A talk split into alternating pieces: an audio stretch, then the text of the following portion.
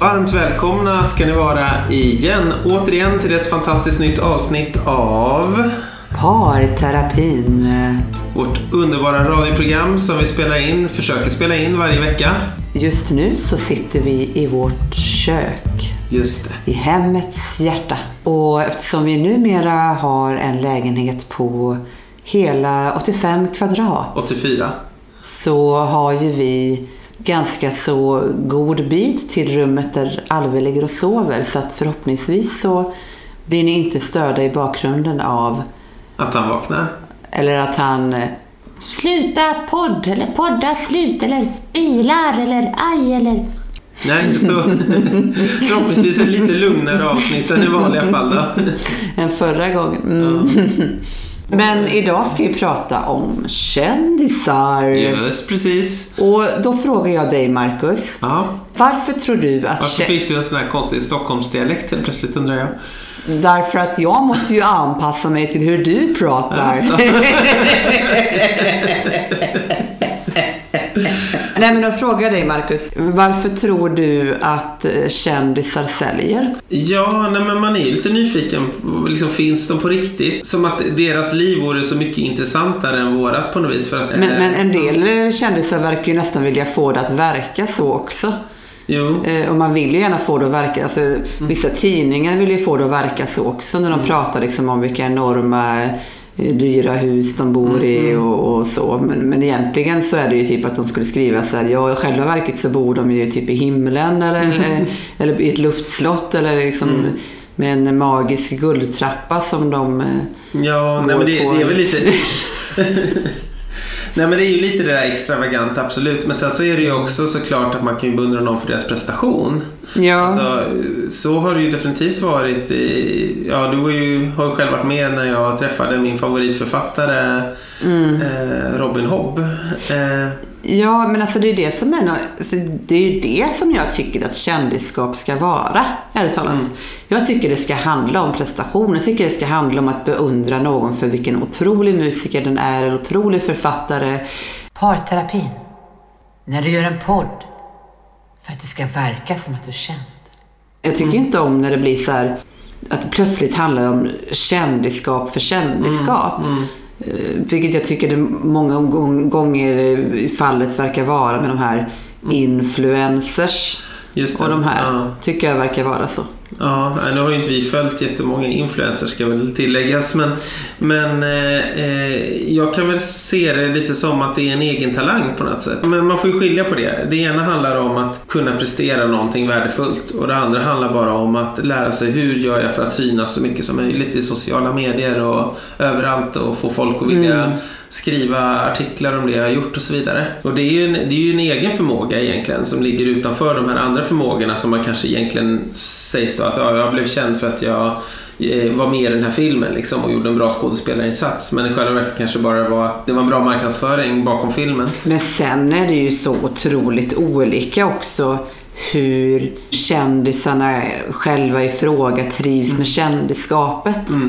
För vissa kända personer är ju verkligen så här, de gör det här för att få nå ut med någonting som de har skapat som de själva antagligen tycker är bra och är stolta över och vill att andra ska få ta del av. Men inte att de liksom eh, är speciellt intresserade av att deras privatliv ska outas eller att de ska få vara i centrum på det. Jag tänker ju spontant på Anders Tegnell alltså som har blivit så himla känd.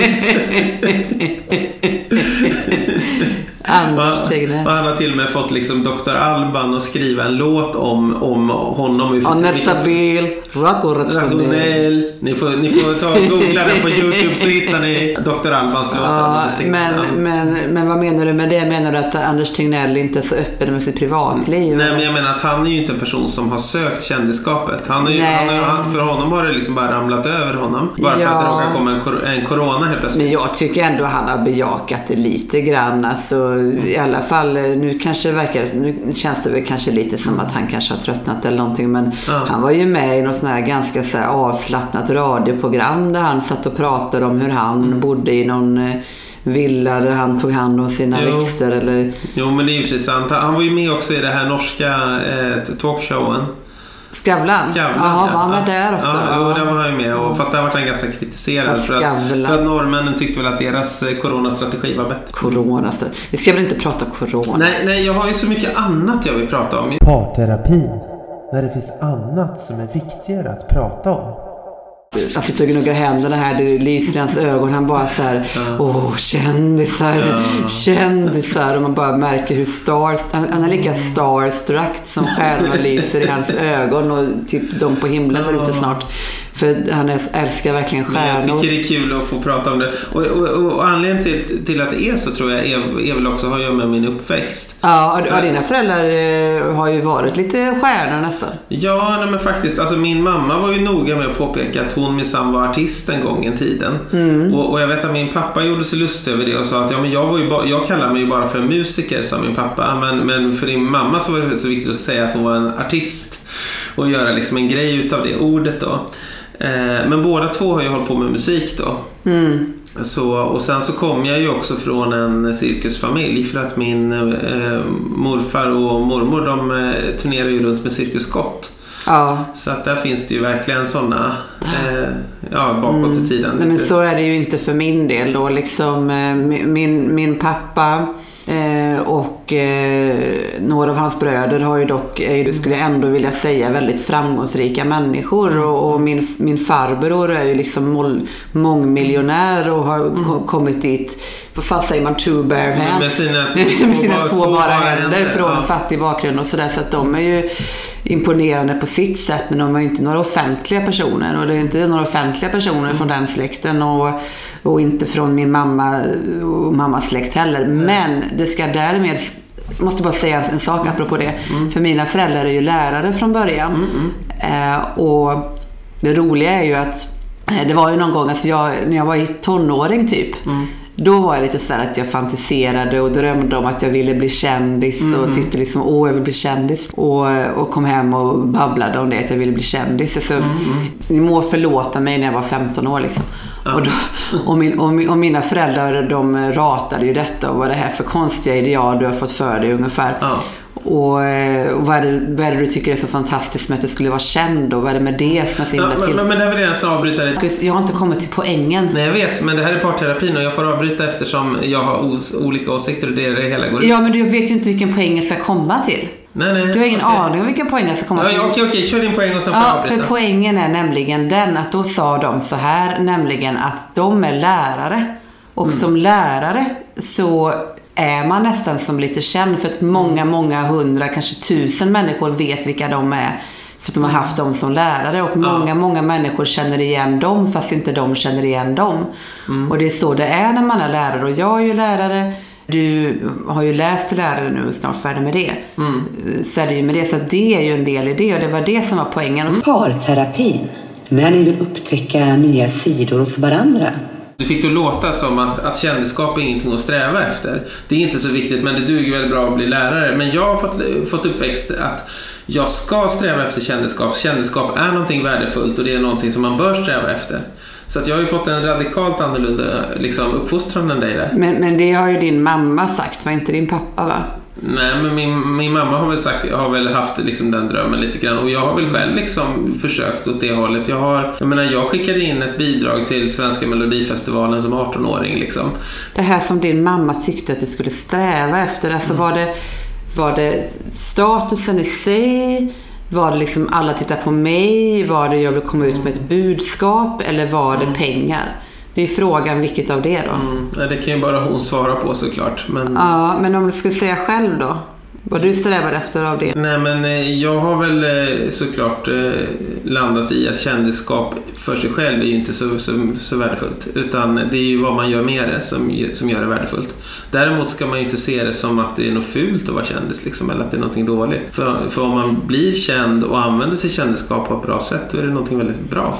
Jag menar inte att det är fult eller dåligt. Eller så, alltså det är inte det. Liksom. Det, det är ju mer att... Men ungefär det som du säger att det ska vara för sakens skull ungefär. Alla tittar på mig. Ungefär. Och varför då? Varför ska alla titta på just dig? Varför skulle du vara märkvärdigare än, än någon annan? Vad jag tycker är faran med kändisskapet hos vissa individer, eller vissa som blir mer och mer offentliga då, det är ju att de börjar, det börjar fan stiga dem åt huvudet. De börjar mm. verkligen tycka att de själv är någonting mm. för mer.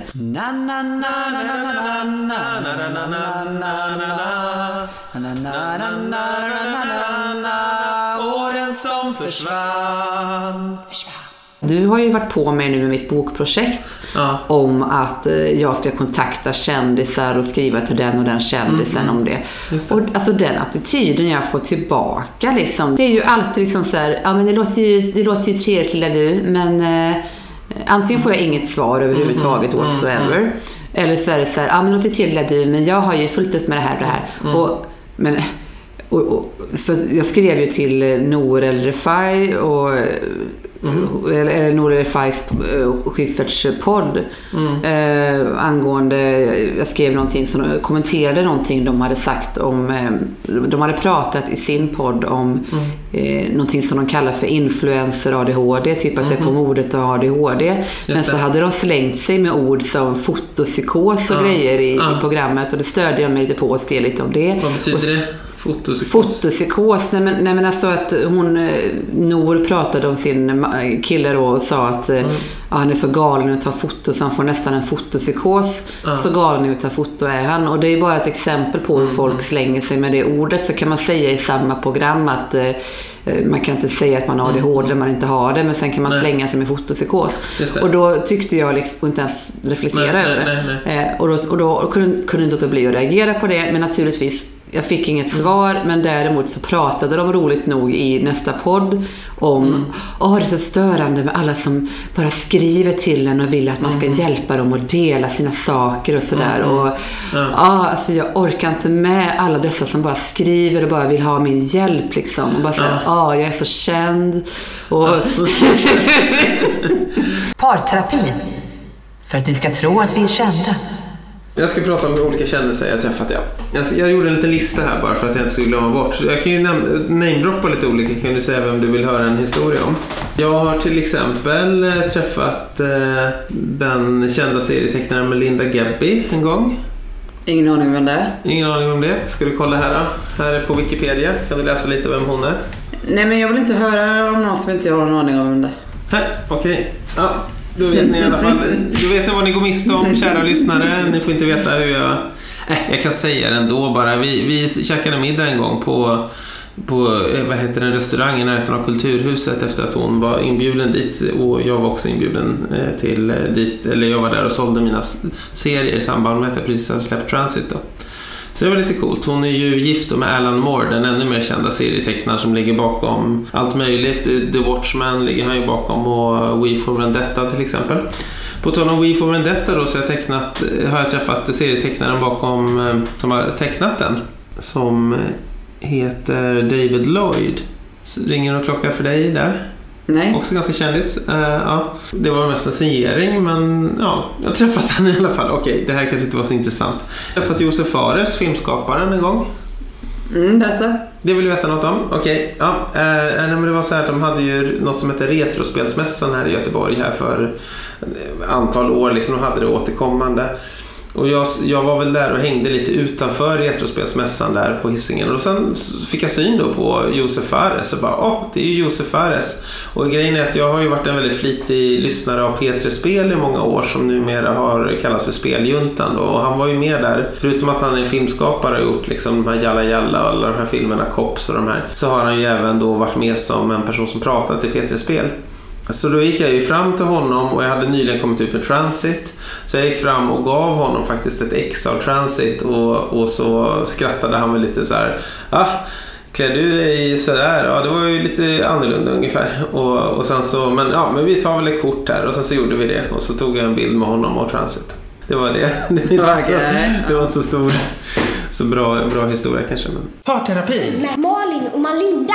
Jag nämnde ju Robin Hobb där, det måste ju nästan prata om också. Det har Det var faktiskt väldigt vackert den gången. Det var verkligen så den genuina, genuina känslan av att se någon som man verkligen beundrar. Det var hur du liksom darrade lite och det glänste dina ögon och du liksom stod där och Alltså, och, och sen var det så fint också hur, hur han från science fiction-bokhandeln när han skulle... Han var ju också... Ja, han var ju också starstruck. Ja, han som skulle var ju- intervjua henne. Han var ju verkligen så här, det här är så stort. Ja, men det var och sen så så, stort. sen så beskrev ju du att det här var som att det var tolken och då fattade Ja, jag lite. ja jo, men det, det är lite så jag ser på henne. Att, att det är som att, som att träffa liksom George R. R. Martin eller Tolkien eller någon sån här liksom Kafka. Alltså någon riktigt så här superstor person som förmodligen kommer bli ihågkommen långt efter sin död och alla andra har inte riktigt hunnit med att fatta hur, hur stor hon är. Liksom. Men de som har läst hennes böcker. Nej, jag borde verkligen läsa Robin Hobbs. är. Alltså, jag har ju inte gjort det. Jag borde verkligen göra det. Ja. Jag tycker ju, jag är ju ingen fantasy-fan sådär. Men, men jag har ju, jag har ju tokläst Harry Potter och jag älskar ju Sagan om ringen. Så eh, Mm. Nej, jag tycker hon, hon har ett väldigt speciellt sätt att göra fantasy på. För att det, om vi säger bara en, jag kan ta ett exempel, till exempel på en av hennes böcker som handlar om eh, min tolkning i alla fall av den är att det är ett gäng funktionsnedsatta drakar och deras personliga assistenter. Fast det heter inte så i boken då. Men det skulle ju typ kunna vara det. Så man, ser liksom så här, man kan se en sån relation fast har, hon har gjort det med drakar och draktämjare istället. Liksom, eh, bara för att ta ett exempel. Och, nej men överhuvudtaget att hon, och hon har väldigt förmåga att i sina böcker bygga upp någon slags liksom, drama med massa olika liksom, vardagshändelser. Men allt det här leder alltid fram till någonting superepiskt efter typ den tredje boken. Så att eh, det börjar som någonting i det lilla samtidigt som att det finns det här liksom, yttre stora grejen som pågår. men vad menar du med superepiskt? Ja, något episkt, liksom upplösningen på stort krig eller något sånt där liksom, som är så klassisk fantasy. Men det är inte där liksom berättelsen är fokuserad utan det fokuserar på de här små vardagshändelserna och vardagsintrigerna. Men sen så händer någonting stort då som gör att eh, det hela tar en helt eh, annan vändning. Parterapi? När du undrar vem det är du har Gift dig med. Men åter till ditt möte med Robin Hobbs. Ja, nej men det här var ju på science fiction-bokhandeln och jag trodde ju inte mina ögon när jag såg då eh, att det stod så här att hon skulle komma dit. Liksom bara herregud, liksom den, eh, det, det gick inte att fatta att en så stor författare skulle komma till Göteborg liksom och prata. Och att de liksom, jag vet inte hur de har burit åt för dit henne, men ja, hon kom dit. Och jag hade ju då mycket riktigt förberett ett antal frågor som jag skulle ställa till henne. Som jag hade skrivit ner. Och jag hade ju liksom en lista på sådär om det var tio frågor. Men jag kunde ju inte hitta tillfälle att ställa alla dessa frågor. Så jag fick ju bara svar på tre utav dem då. Det var ju några olika grejer jag hade tänkt på. Jag önskar verkligen få ställa resten av frågorna till henne. Men det var ju, nej men det var verkligen en sån där eh, känsla av att händer det här på riktigt liksom.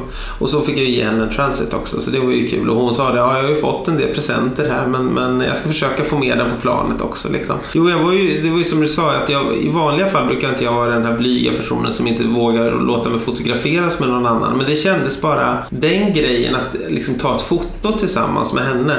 Det var liksom, det kändes bara så himla ytligt och sådär blasé på något sätt i förhållande till bara möjligheten att få prata. Alltså jag hade ju velat sitta ner och fått en timme och bara sitta och snacka med henne. Liksom. Det hade varit häftigt men jag fick ju ja, chans att ställa de här tre frågorna då. Jag kan nästan på sätt och vis bli lite avundsjuk på den känslan ändå. För att jag har inte riktigt fastnat för kändisar på det sättet. Tidigare i alla fall. Men jag har ju börjat bli lite crushed, inte crushed men, men jag har tack vare Instagram Det finns ju personer man kan följa på Instagram. Som, eh, alltså kändisar som har eh, väldigt aktiva Instagramkonton. Och vissa av dem säger ju så kloka saker. De är ju så kloka och det är ofta så här feministiska kvinnor. Nej men Stina Wolter. Ja. Alltså, jag tycker så jävla bra om Stina Wolter. Mm. Och, och sen eh, Mia Skäringer tycker jag ju om också. Ja. Mm, De behövs så mycket också. För det finns så mycket skit som drabbar kvinnor. Och det finns så mycket orättvisor. Det är det jag tycker, när det är människor som gör någonting gott för att få en bättre värld. Mm, Det, det, det är det som får mig att, att beundra en människa. Mm. Om den på något sätt bidrar till en bättre värld. Där tog våran tid slut så eh, vi kommer tillbaka eh, om en vecka igen hoppas vi den här gången. Tack så mycket för att ni lyssnat och som vanligt då så har vi haft eh, musik här av Kevin MacLeod. Eh, alla licenser och sånt står på våran sida. Syns nästa vecka!